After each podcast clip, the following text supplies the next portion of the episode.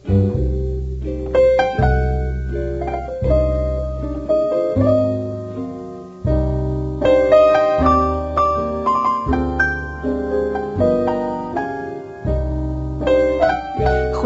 en welkom by Skrywers en Boeke. Ek is Corina van der Spool. In boeke nuus vanaand. Die Olimpiese spele begin oor 2 dae en ek het gaan kyk of daar enige literêre romans is waarin die Olimpiese spele 'n rol speel. Ek gesels met PG Du Plessis wat sopas die Helgard Steynprys gekry het vir sy roman Fees van die Ongenooides. PG gesels oor die vertaling van die boek waarin hy nou werk en ook oor waarmee hy hom tans besig hou. Die digter Wopko Jensma sou môre 73 jaar oud gewees het en ons kyk na sy bydrae tot die Suid-Afrikaanse letterkunde. Terens April het sy gereelde bydrae oor 'n skrywer uit Afrika. Vandag gee hy meer inligting oor die skrywer Veronique Tadjo. En ten slotte gesels ek met professor Andrius Olifant oor die struggle letterkunde van die 70s en die 80s, veral met betrekking tot die uitgewerrye en skrywersverenigings van daardie tyd. Hy praat oor die reg van die skrywer om aanstoot te gee en satiriese bespottinge te maak, maar praat ook oor die verantwoordelikheid van die skrywer om fyn te dink. MUZIEK Olimpiese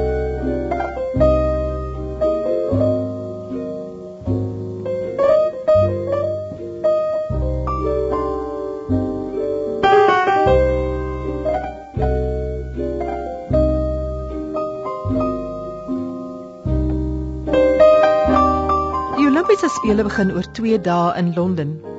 Ek het gaan kyk of daar enige romans is waarin die Olimpiese spele figureer. Ek kon maar 'n paar vind, maar as enige luisteraars van nog fiksie weet waarin die Olimpiese spele 'n rol speel, laat my gerus weet by corina@rsg.co.za. Een van die eerstes wat ek kon vind was 'n verhaal deur Rosemary Sutcliffe 'n Britse romanskrywer wat in 1971 'n kortverhaal vir kinders geskryf het oor die Olimpiese spele. Die verhaal, The Truth of the Games, gaan oor twee atlete wat van verskillende agtergronde in antieke Griekeland kom en deur te mekaar te kompeteer by die spele ontdek hulle die ware betekenis van vriendskap.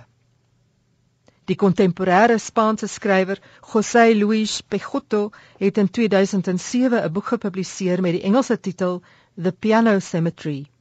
In hierdie roman fiksionaliseer hy die agtergrond en storie van Francesco Lazzaro, 'n Portugese atleet wat by die Olimpiese spele in Stockholm in 1912 gesterf het nadat hy 32 km van die maraton voltooi het. Lazzaro was Portugal se eerste Olimpiese atleet ooit, alhoewel hy 'n amateursportman was en eintlik 'n kabinetmaker in 'n fabriek was. Die skrywer Pichotto gebruik hierdie historiese besonderheid in sy storie waarin die karakter 'n klavierbouer word. Lazaro was ook die eerste atleet wat ooit tydens 'n Olimpiese byeenkoms gesterf het. Hy het vermoedelik weens dehydrasie gesterf. Later is ontdek dat hy sy liggaam met 'n waks bedek het wat sy normale perspirasie verhoed het en so gelei het tot sy dood. Pichotto se roman se titel is The Piano Cemetery. Pas gepubliseer is die Britse skrywer Chris Cleave se roman Gold. Dis 'n roman wat gaan oor twee Britse vroue, hulle is ook vriendinne, wat by die Olimpiese spele kompeteer in die binneshuise fietsrenne. Albei streef na goud, maar kan hulle vriendskap die wedywering oorleef? On the Water is 'n roman van 1998 van die Hollandse skrywer Hans Martin van den Brink. Dit gaan oor twee jong mans, Anton en David, wat van verskillende kante van Amsterdam kom en saam roei in 'n roeispan.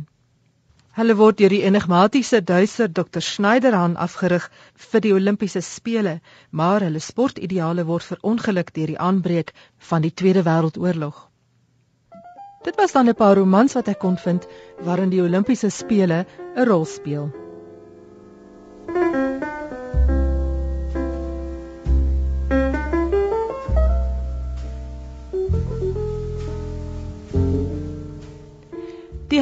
Helgard Steynprys vir letterkunde is vanjaar toegekend aan PG Du Plessis vir sy roman oor die Anglo-Boereoorlog Fees van die Ongenooides.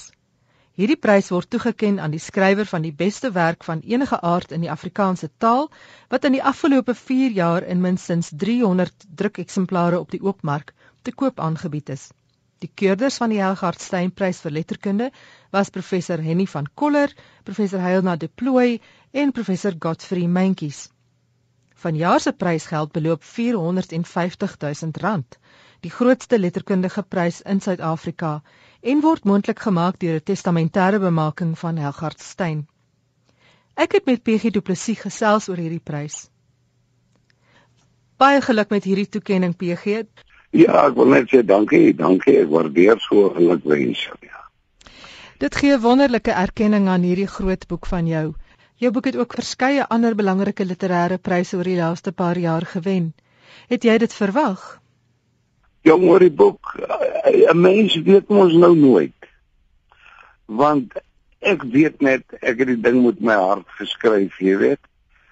Maar terwyl jy hom skryf, is jy mos nou onseker of dit wat in jou is gaan oorgedra word aan die mense wat hom uiteindelik gaan lees.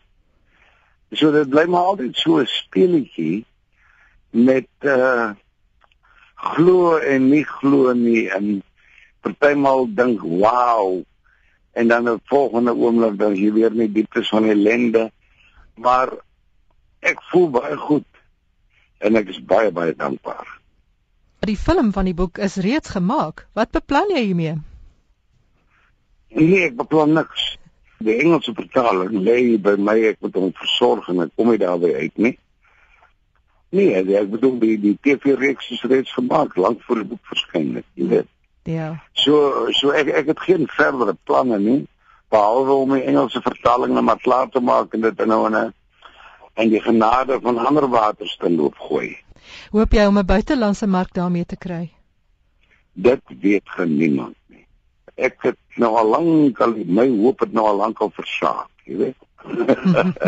al wat ek al wat ek jy weet almal sê die boek gaan oor die Anglo-Boereoorlog.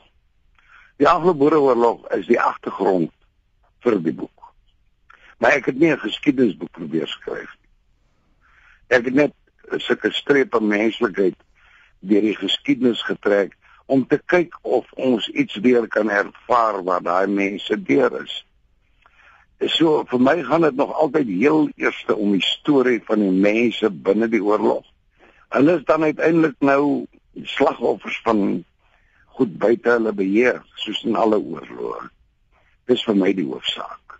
Daar staan reeds ongeveer 27000 kopieë van Fees van die Ongenooides verkoop, wat werklik 'n buitengewone prestasie is vir 'n literêre teks. Hoekom dink jy lees mense jou boek so graag?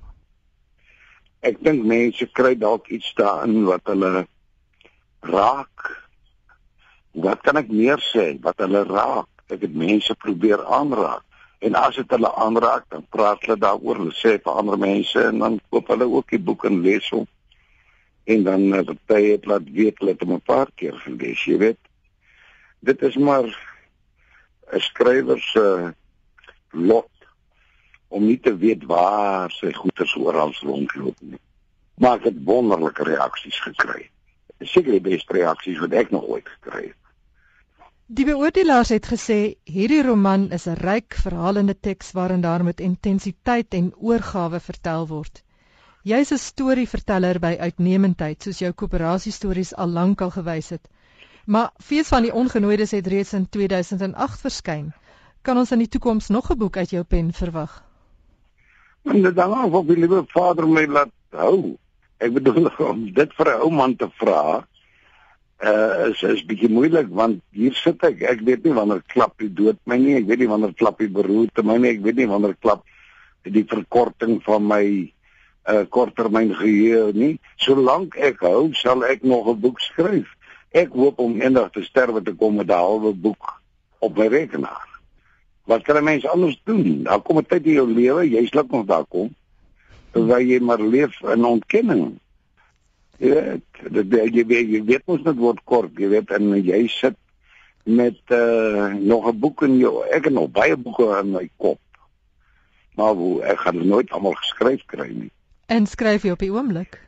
Ja ja. Maar jy weet wat? Ja. Ek is besig met 'n televisiereeks ek noem hom puntjies winkel stories. En ek het nou so die eerste 4 episode klaar. Is hier episode is vir kyk net. En uh ek geniet dit vreeslik. En dan sit ek met hierdie vertaling van fees van die ongenooides wat ek moet deurwerk en wat ek nie by uitkom nie.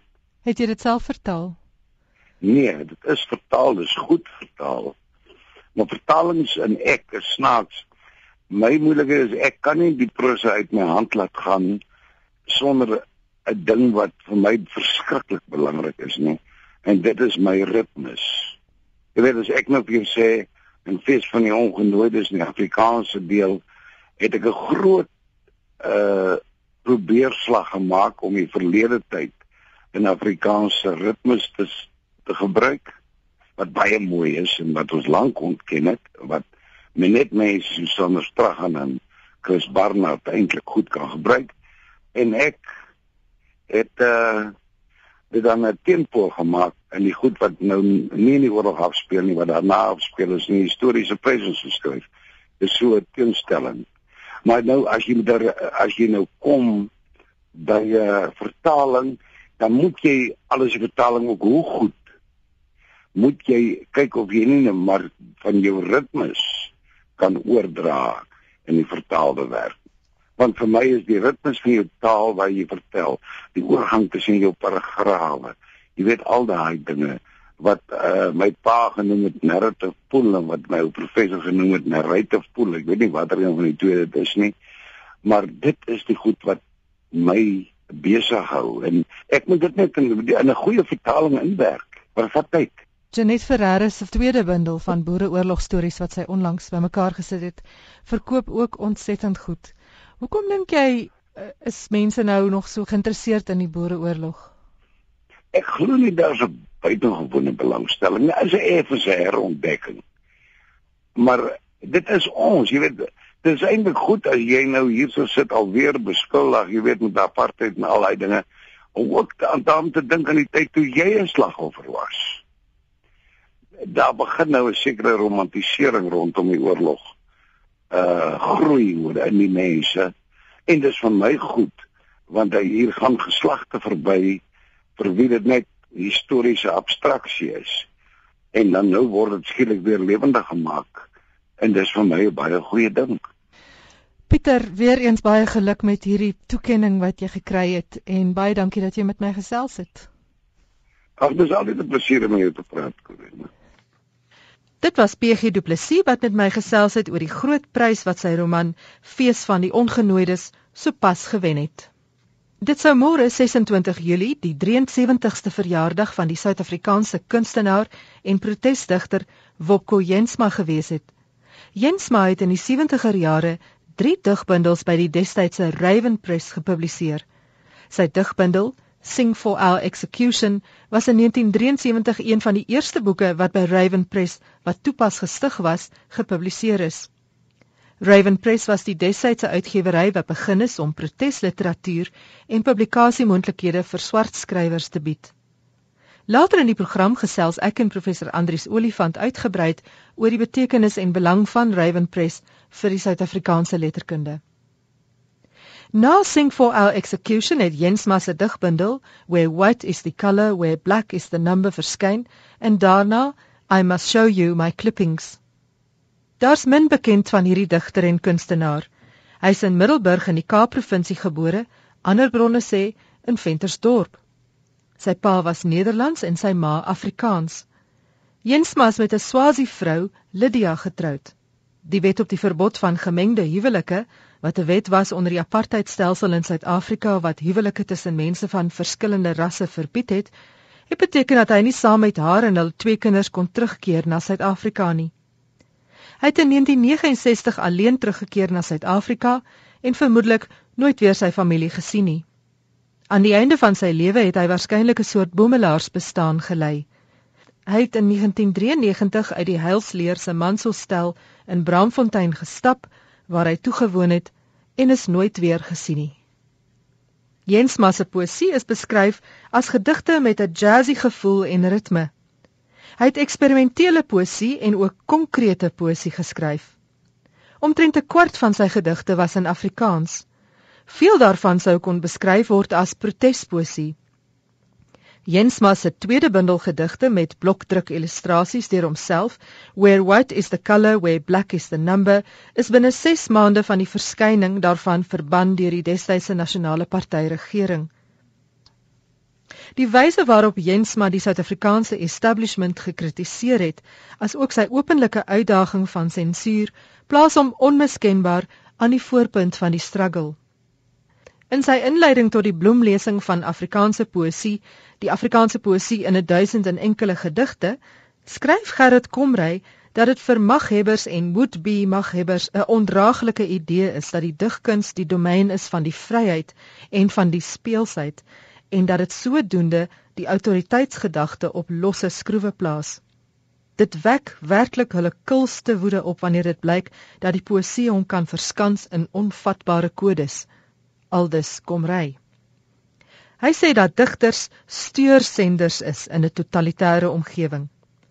Wopko Jensma was so steursender. Luister na 'n voorlesing deur Herman Stein van een van Jensma se gedigte met die titel Ons wreek ons. Hoe mooi is dit nie wanneer hy op sy knieë val en bid nie. Met wit warm uister virke meet ons sy vrees. Gou-gou as hy papsaf, praat hy saam oor sy skuld. Hy bieg deur sy uitgeslaane tande. Ons kruisig hom kop onderste bo. Ons drink droë water en ons lag. Onder ons naels die bloed van vyande. In ons hande seekoei swepe. Agter ons lê brand en verwoesting. Lê blinde vrouens en verbeete kinders. Lê ons skadu en almal weet dis ons. Ons drink droë water en ons lag.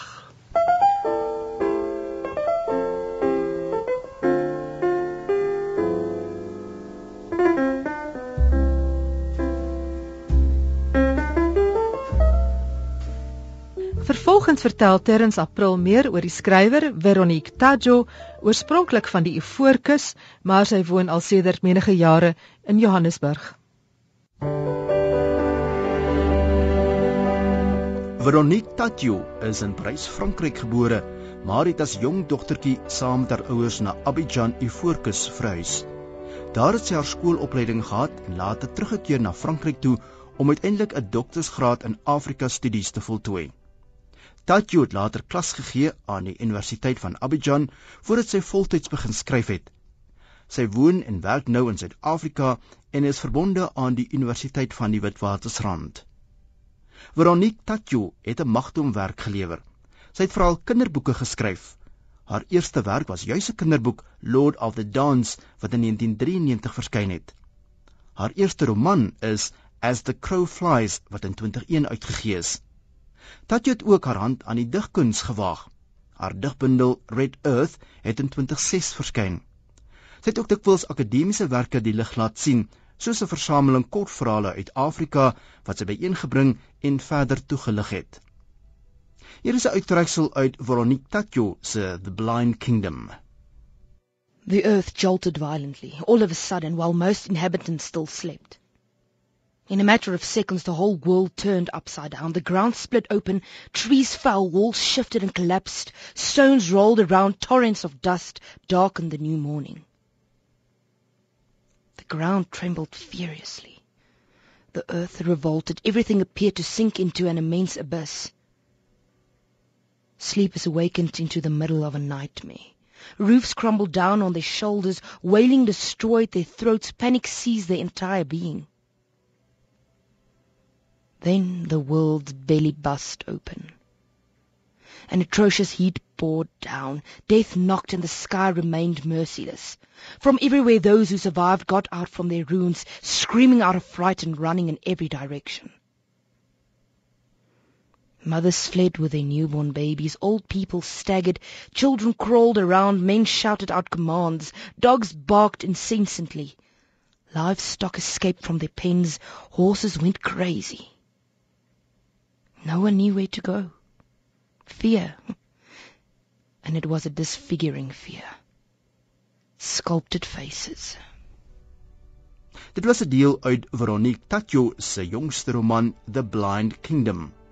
Die kort biografiese skets van een van ons skrywers uit Afrika is saamgestel met die hulp van Robin Malan se African Writers A to Z, uitgegee deur Shooter.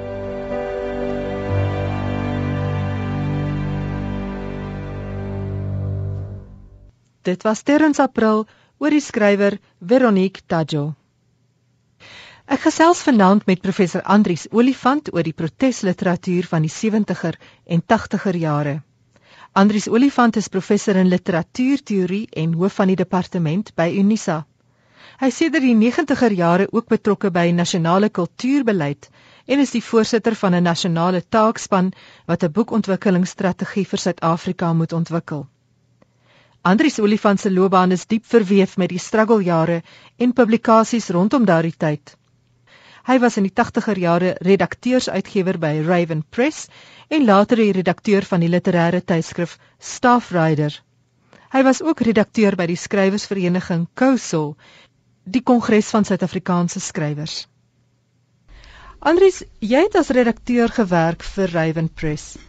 Dit was een van die eerste uitgewers wat sogenaamde protesskryfwerk gepubliseer het en 'n unieke en 'n belangrike rol gespeel het in die geskiedenis van Suid-Afrikaanse literatuur. Wat was die politieke konteks of die atmosfeer tot die stigting van Raven in die vroeg 70s?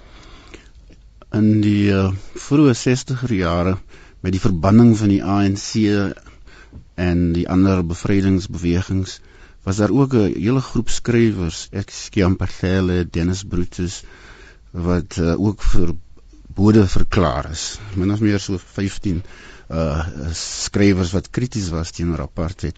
En vir 'n lang tyd was daar 'n stilte rondom swart literatuur en protesliteratuur in Suid-Afrika. En klein liberale uitgewerye onder andere Renoster Press wat deur uh, Lionel Abrams bestuur was het Wally Serote en Mafiko Gwala se werke in die vroeë 70er jare gepubliseer. Maar na die verbanning van die bevrydingsorganisasies het die kerk, die Christelike Instituut, die Suid-Afrikaanse Raad van Kerke en leiers in die kerke, onder andere mense soos Beyers Nodee, probeer om uh, die kerke te kry om uh, krities te staan teenoor apartheid en hulle het die Christian Institute geskep. En een van die projekte rondom die Christian Institute was die studiegroep oor Christendom in apartheid samelewing, Prokes the study project on uh, Christendom or Christianity in apartheid society. En hulle het studies gemaak oor die effekte van apartheid op die gemeenskap en dit gepubliseer. Hulle het toegevind dat daar manuskripte na Proskes toe kom van skrywers, van digters en romanskrywers en hulle het eintlik maar net gekonsentreer op uh, radikale teologie om dit so te stel. En toe besluit hulle om Raven Press te skep waar die name van uh, Randall, Pieter Randall, Dani van Sail, doen die Dani van Sail en uh, Beyers Nodee in die naam 'n uh, soort van ingegrif is met uh, die RA vir Randall, die N vir Nodee en die van uh, van die Engelse spelling vir Raven, die voël is met is W E N, maar in die naam van die uh, van die uh, uitgewery is die Raven gedeelte word gespel V A N vir van Veil en dis waar die naam vandaan kom. En die eerste werke wat gepubliseer was was onder andere Nadir Godime se The Black Interpreters waarin sy die rol van swart kritiese skrywers ondersoek het. En een van die groot skrywers wat uiteindelik uh, in Suid-Afrika sou ontwikkel in 1974 Raven Press is in 1973 gestig. En in 1974 het Jem Kutse se eerste twee novelles, Dasklins, by by die uitgewery aangekom. En hy het probeer om hierdie uh, boek in Amerika en in Brittanje te publiseer en hy kon nie 'n uitgewer kry nie. Maar Randall, uh, wat ek dink 'n goeie oog gehad het vir uh, literêre potensiaal, het onmiddellik die uh, waarde hiervan gesien as Raven nie daar was sou seker vir Kutse langer geneem het om te publiseer. So dit was uh, en Randall sê waarom dan 'n uitgewer wat op skrywers fokus en hy sê selfs dat hy dink dat die literatuur anders as sê die teologie wat mense in Christelike oortuigings inperk of aktiviste wat ideologies gebonde is. Skrywers kan algemeen menslike kwessies op 'n universele wyse aanspreek wat 'n sterker seggingskrag het en op daai wyse verandering probeer bewerkstellig. Ja, soos jy noem, weet min mense dat daar eintlik twee Afrikaners betrokke was as direkteure van die stigting van Raven. Wat sou jy sê was die invloed van Raven Press op die latere Suid-Afrikaanse letterkunde en op 'n politieke bewuswording? Ja, na die stigting van uh, Raven Press in 1973 was daar die opstande van 1976. En in 1977 is 17 kulturele organisasies en 'n groep uh, uh, nuwe politieke groeperinge onder andere die Black Consciousness Movement, ZAPU en ander organisasies is almal verbied. En onder hierdie verbode mense was Beyersnodee en was uh, Pieter Randall en was Danny van Sail. En die uitgewer kon nie funksioneer nie.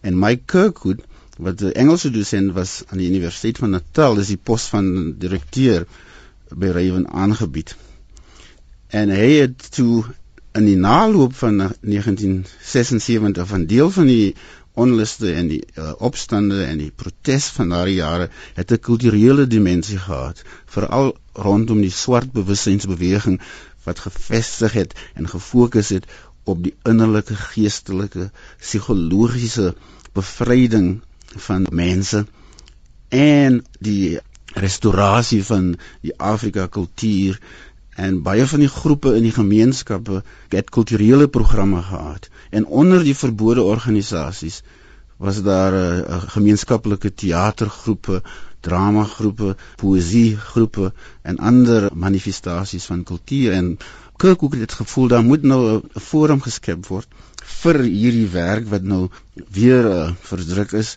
om dit verder te neem. En het toe Staafryde magazine geskep en daar was geen redakteur vir die tydskrif op daai stadium nie maar van hierdie organisasies die leiers van hierdie organisasies het bymekaar gekom in die werk van hulle lede en mense verder uh, in die land uh, so gepubliseer.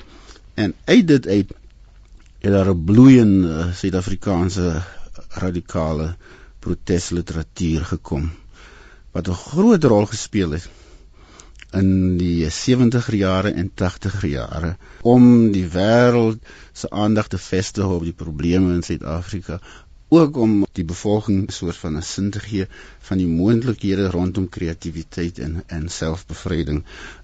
Wat het daardie tyd in die Afrikaanse literatuur gebeur? In die Afrikaanse literatuur was daar die 60ers natuurlik wat alreeds krities was teen opsigte van uh, die bestel hier Breitenberg en uh, Andre Brink en Etienne Leroux was en en en Jan Rabie was die voorlopers in hierdie verband. Hulle is wel geakkommodeer in die hoofstroom uh, uitgewerye, maar na, na mate die situasie, die krisis verdiep het, dis Brinkse kennis van die aand is verbied. Breiten Breitenberg se gedeelte van sy bundel uh, Koue vuur wat later afsonderlik gepubliseer is is geweer uit die oorspronklike manuskrip. Sy uh, novelle om te vlieg uh, is vir 'n lang tyd die uitgewer geweier om dit te publiseer en daar was 'n pre-publikasie sensuur. Wie was die uitgewers van protesliteratuur in die 70er en 80er jare in die Engelse literatuur was daar Raven Press daar was David Philip en daar was Ad Donker. En hulle het hierdie kritiese stemme ondersteun. En na mate die Afrikaanse skrywers onder druk gekom het uh, was daar gevoel dat daar 'n uh, soortgelyke uh, ruimte geskep moet word vir kritiese Afrikaanse literatuur. En dis toe Taurus geskep is in die 80er jare. Was hierdie uitgewerye finansiëel onafhanklik?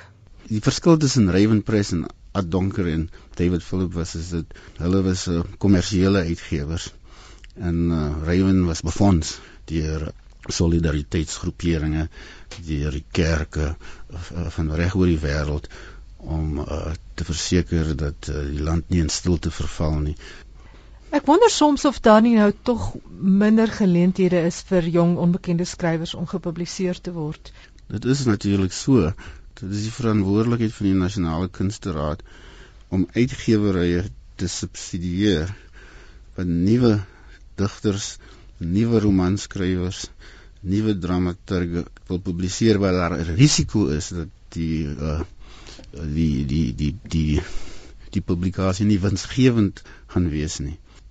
die nasionale boekontwikkelingsraad het 'n fonds wat spesifiek fokus op die stimulering van nuwe werke in die Afrika tale wat verder uitgebou moet word.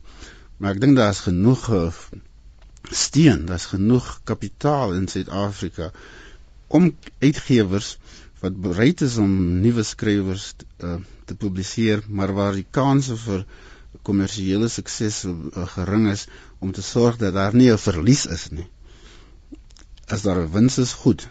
Maar as 'n verlies is, dan gaan dit nie die sake van die uh, uitgewer affekteer nie. So daar moet uh, in alle lande, in Kanada, selfs in uh, Brittanje, in Skandinawiese lande, in Indië, is daar fondse om nasionale literatuur te stimuleer en geleenthede vir nuwe skrywers te skep. Kyk byvoorbeeld Kutsie, né? As dan nie Raven was nie, hè? Hy sou miskien opgehou skryf het, ja? Omdat niemand sy werk wou uh, publiseer in daai jare nie. Is daar nog ander belangrike skrywers wat eers by Raven uitgegee het? Ja, Miriam Kladi wat geskryf het oor uh, Soweto oor die uh, sy het 'n dagboek gehou oor wat gebeur het in daardie tye en dit is gepubliseer. Sipho Sepamla, die digter se werk het ook by Raven verskyn en Pieter Wilhelm die die fiksieskrywer Steven Gray se werk hy is ook by Raven gepubliseer Daar's ook belangrike sosiale geskiedenisse gepubliseer. Ek dink aan Jeff Perez se geskiedenisboek oor die die Kosa geskiedenis en dan Luli Kalenikos se werkersklas geskiedenisse en Charles van Onsel net natuurlik begin publiseer by Raven oor die onderklasse aan die Witwatersrand. Hmm. Wat sou jy sê was die impak van historiese publikasies van Raven? Die geskiedenis van Suid-Afrika in amptelike uh, historiese publikasies en in die skole en selfs op universiteite het 'n ortodokse visie van die land uh, voorgehou. En daar was 'n beweging onder radikale geskiedskrywers waarvan die mense wat jy genoem het leidend was.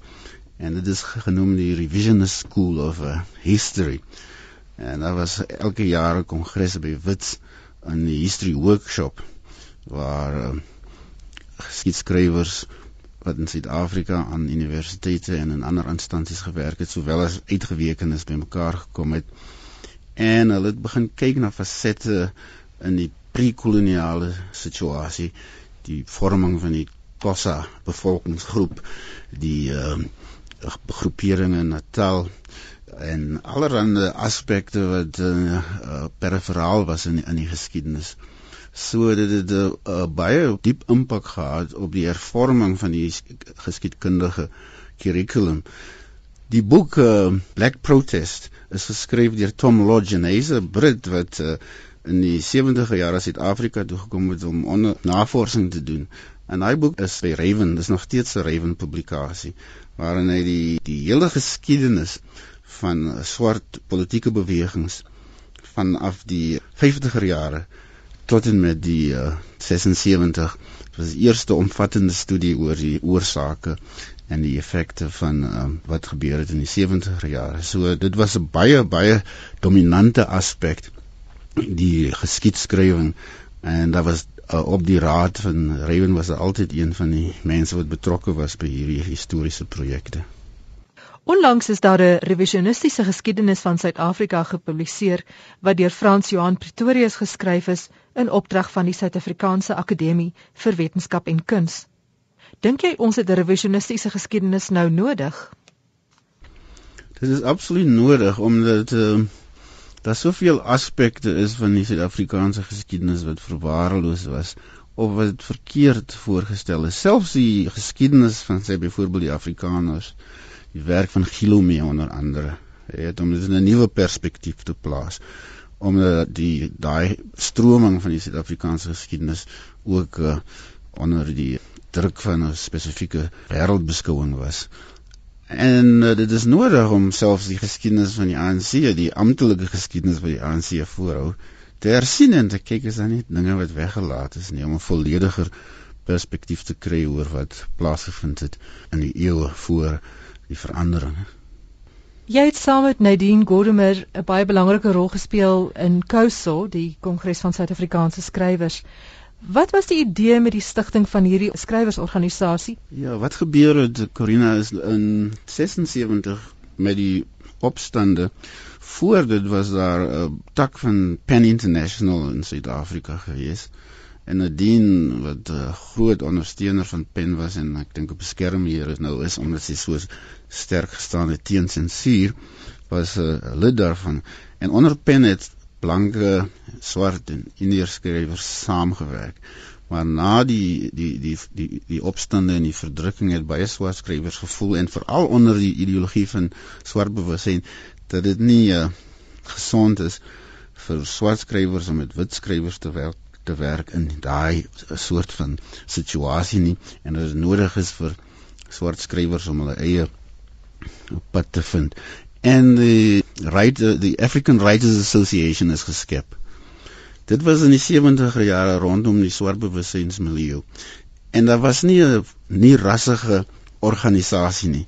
Daar was wel die Afrikaanse skrywersgilde en daar was uh, die African Writers Association, maar daar was nie 'n forum waar die skrywers ongeag hulle uh, uh, kulturele agtergrond of ras of taal waarin hulle skryf by mekaar kon kom uh, op 'n gereelde basis nie. En na 9 na die na die 70er jare in 1983 is die United Democratic Front op die been gebring. En dit was die hervestiging van die nie-rassige strominge wat wat in die 60er jare doodgeloop het en vervang is in die 70er jare met hierdie swart bewussyns uh, dimensie. En in die vroeë 80er jare is die nie-rassige tradisie weer uh, herskep en daar is gevoel dat daar nou 'n skrywersorganisasie uh, op die been gebring moet word wat deel kan neem aan hierdie nie-rassige samewerking en dis hoe COSO op die been gebring is. En jy kan sien dat in die benaming Congress of South African Writers dat dit steun op the Congress of the People. Daai Congress beweging van die 50er en 60er jare wat uh, nie-rassigheid voorgestaan het. En in um, 1983 is daar 'n kongres gehou onder die leiding van die ANC in Gaborone, Culture and Resistance, waarin daar uh, besluit is dat die kultuur 'n rol moet speel in verandering. Dit het nie gaan om oor ekonomiese en militêre en politieke protes nie, maar dat die kulturele dimensie net so belangrik is en dat daar 'n nie rassige organisasie geskep moet word om vorentoe te werk en dis hoe Kouso op die been gekom het. Daar was volop swart skrywers in die 1970s en 1980s. Ons het hulle werk gelees in tydskrifte soos Staffrider en Contrast en natuurlik in die boeke van die uitgewerye Raven en Ad Donker en David Philip, soos jy gesê het. Maar nie een van hierdie uitgewershuise bestaan meer nie. Wie was die opvolgers van uitgewershuise soos Raven en Taurus? Ja, dit is een van die uh, dinge wat uh um ek dink 'n sekere skade aan die Suid-Afrikaanse die diversiteit van uh uitgewerye berokken het in Suid-Afrika. Wat wat gebeur het na 1994? Meeste van die internasionale uitgewerye wat wel hier gevestig was, het hierdie uitgewerye oorgekoop. Raven is geïnkorporeer in 'n gevestigde internasionale hoofsaaklik opvoedkundige uitgewery. Dieselfde het gebeur met uh, Raven Press.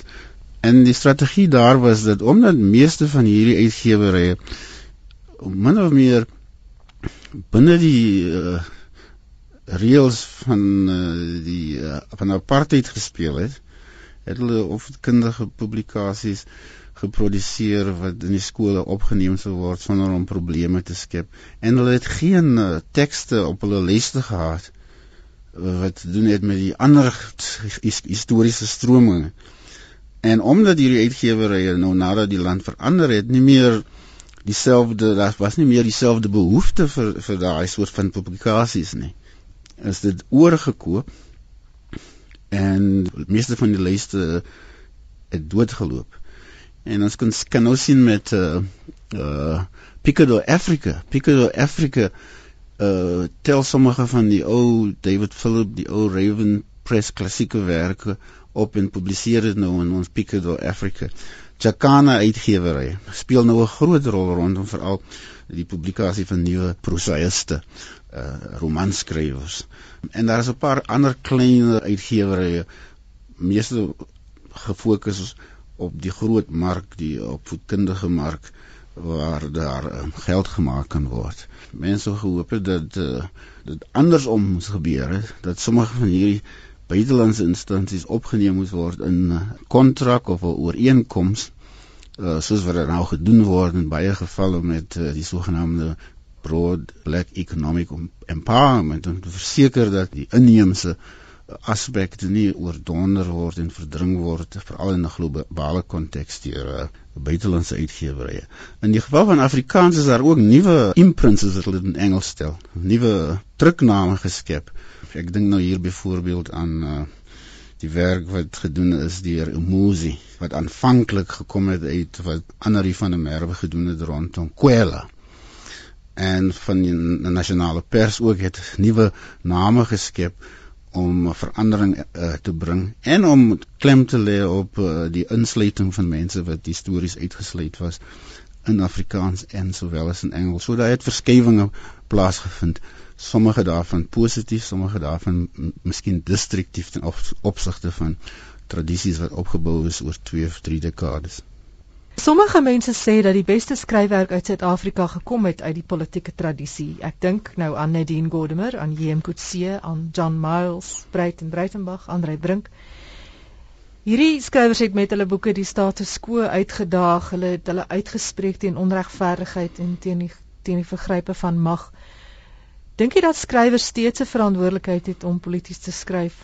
Ek dink hulle kan meer as dit doen. Die uh briljantheid van die werk wat geskryf is in, in die krisistye is belangrik, maar met die einde van die apartheid is dit nou is daar groter moontlikhede, groter vryhede vir skrywers om temas en aspekte wat verwaarloos is te ontgin. En daai vryheid is belangrik. Maar uh, soos ons kan sien, 18 jaar binne twee dekades na uh, die einde van apartheid is daar uh, baie sosio-ekonomiese en politieke probleme in Suid-Afrika, nuwe probleme. Kwessies rondom die um, mishandeling van vroue en kinders, wat 'n sosiale kwessie is.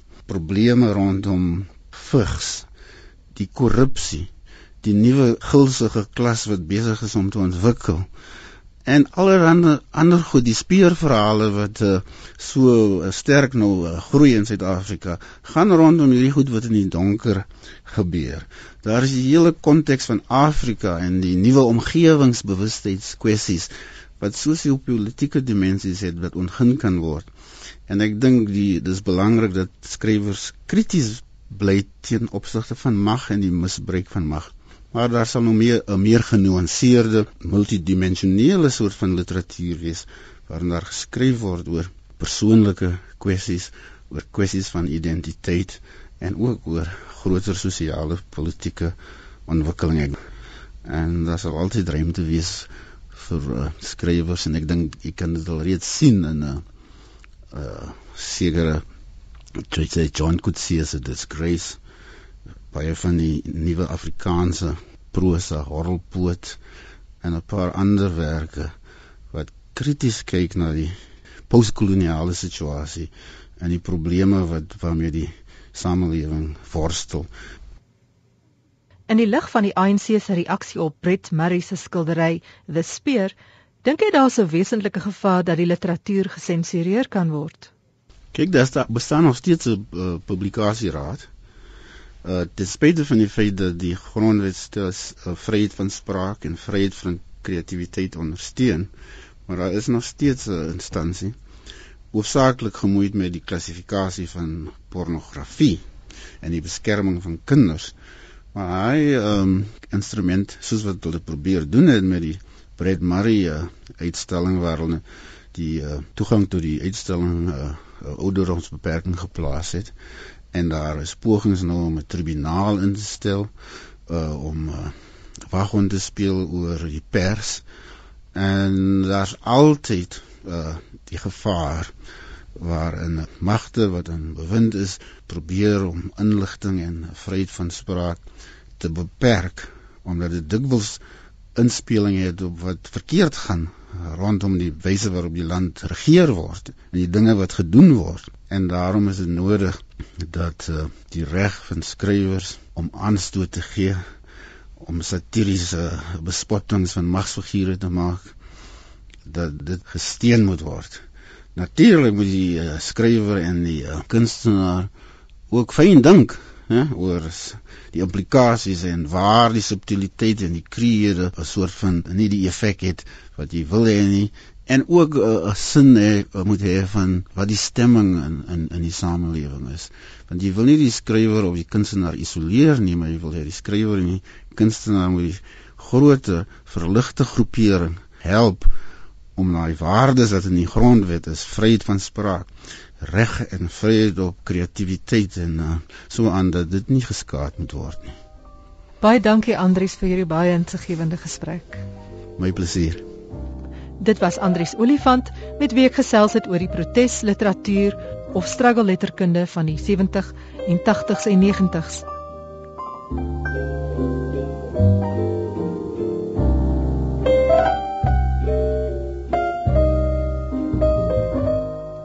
Dit is dan al vir vandag se skrywers en boeke. Skakel volgende week weer in met my Corina van der Spool. thank you